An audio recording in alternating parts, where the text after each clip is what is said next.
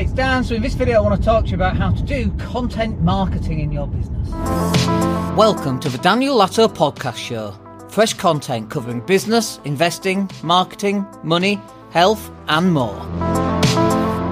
Hey, it's Dan. Hope you're well today. So, content marketing in your business. I think some people kind of get stuck on this idea as to what should they be creating, what should they be filming and they get stuck on it because they can't see how what they do is relevant to end users.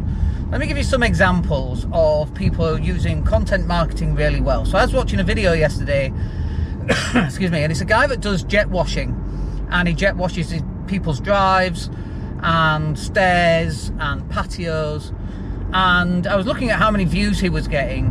One video, for example, had 975,000 views that right there is content marketing, and he actually probably makes a decent amount of money off Facebook and YouTube as well, just from the you know from the advertising revenue that gets generated from those videos. So he probably makes some money just doing that. But also, people in his local area will see him, they'll know him. It becomes kind of a character, if you like. And of course, people buy from people they know, like, and trust. And if people don't know who you are, and, and they don't know you exist and your product or service exists, they're definitely not going to be using you for any anything that you do because they, they don't know you, right? So how can they? So, I'll give you another example. We've got a client. He's a sheep shearer. He teaches other people how to shear sheep.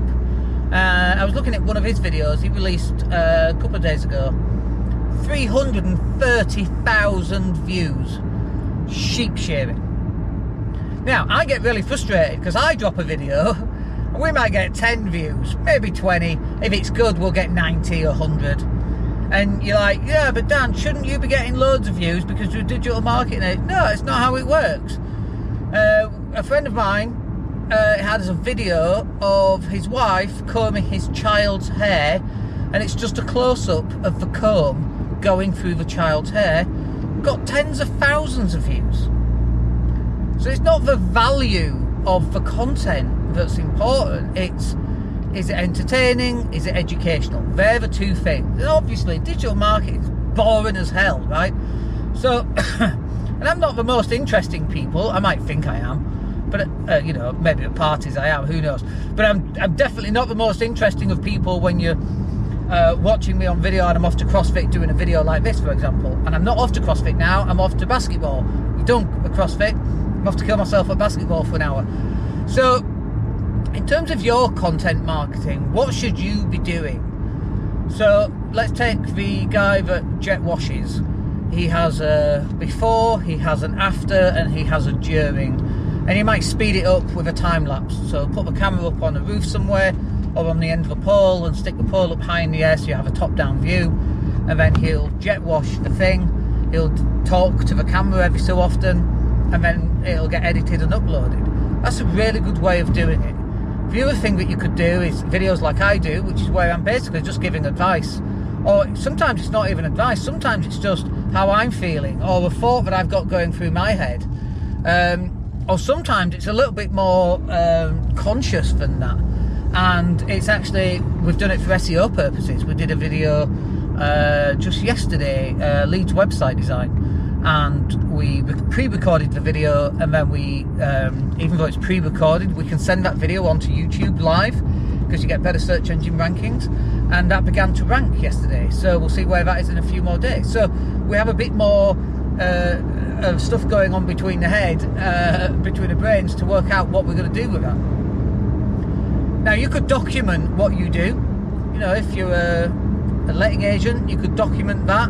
If you're if you moved a tenant out, you know, people want to see the mess of a property, then you could do that and, and then you could show about how, you know, what you're doing in your business to clean it up, get it back on the market, ready to be rent. You could do it before and after, but it's really dirty because the tenant's left and then the after is, you know, you're doing viewings. So you could do that. But lots and lots of different things that you could do for your uh, digital content. And I, I think that the biggest thing that stops people from doing it is they just have this fear first of all, nobody likes what they look like, right, on camera. And even worse, nobody likes how they sound on camera. And when you put those two together, like people lose it. you know, they just don't like it, right? And they're like, oh no, I don't like that one.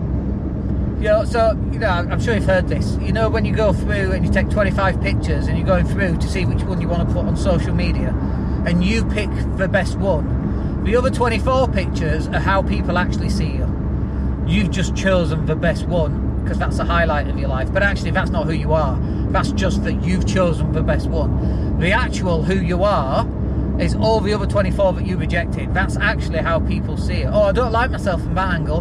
Dude, that's how you look. You might as well deal with it. You're going to have to get over that at some point.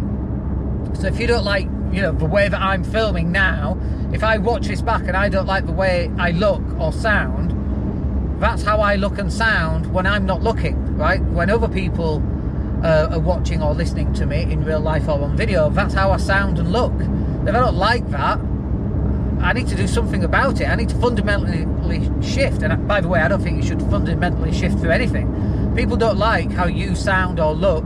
That's all right. That's on them, not you. I definitely don't change. I wasn't always like this, but I definitely don't change how I am on a video or meeting someone in real life. But there was a time when, when I lived up in Leeds and I'd go down to London and I used to be really embarrassed about my Yorkshire accent. Now, fuck them. I don't give a shit. like, why should I care? Proud about coming from up north. We've done uh, very well for ourselves, despite having this accent, you know? So, I won't worry about it. Just need to get over it and move on. But it, it does stop people from creating content because we're so worried about what people are going to think. I don't want anyone to judge me. Dude, people are judging you whether you make content or not. People judge me all the time. Might as well give them something to judge about. Give them something good to think about you. If they're going to think about you anyway, you might as well let them know what to think about you, right? Otherwise, they're going to make up their own mind. Why don't make some content and help them along? Be a nice guy, be funny, be helpful, give vital information. Do and actually we don't do this a lot, but we should do. We just posted something about checking in on your mates. You know, it's Christmas and all that. Checking in on your friends, phoning up your friends or WhatsApping them. All right, dickhead, how you doing? Because that's how men, you know, that's how we, um, that's how we communicate, you know.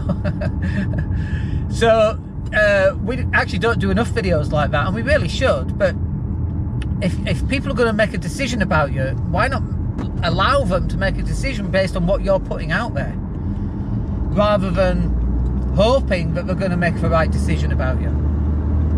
So, look, there's no two ways about this. Content in 2024 is going to be a game changer in your business. It just is. And you have to find a way of creating content. And that means getting over yourself at some point. And if you are over yourself, and actually, I don't mind being on camera, Dan, it's like, well, why the hell are you not doing enough of it? like you know we're putting out four short posts a day. We usually go live once a day. We've got a long form video as well going out once a day. Or actually mondays wednesdays and fridays. And we have a lot of, lot of content going out every week like on a weekly basis. That's what 28 35 38 video pieces of content at least 38 and that's not including lives as it happens so add another say four onto that we've now got 42 pieces of, of video content going out uh, across social media. Like it has ch- changed our business and it will change yours, but it won't change yours until you start actually making content and putting it out there. Anyway, I am coming up to basketball, so I hope I hope you get value out of that, and I hope you think, oh Dan, do you know what? God damn it, I'm gonna go make some videos. Go do them. Don't talk yourself out, just do them, upload them, see what happens, and get consistent on that. All right, have a good one. Speak to you soon.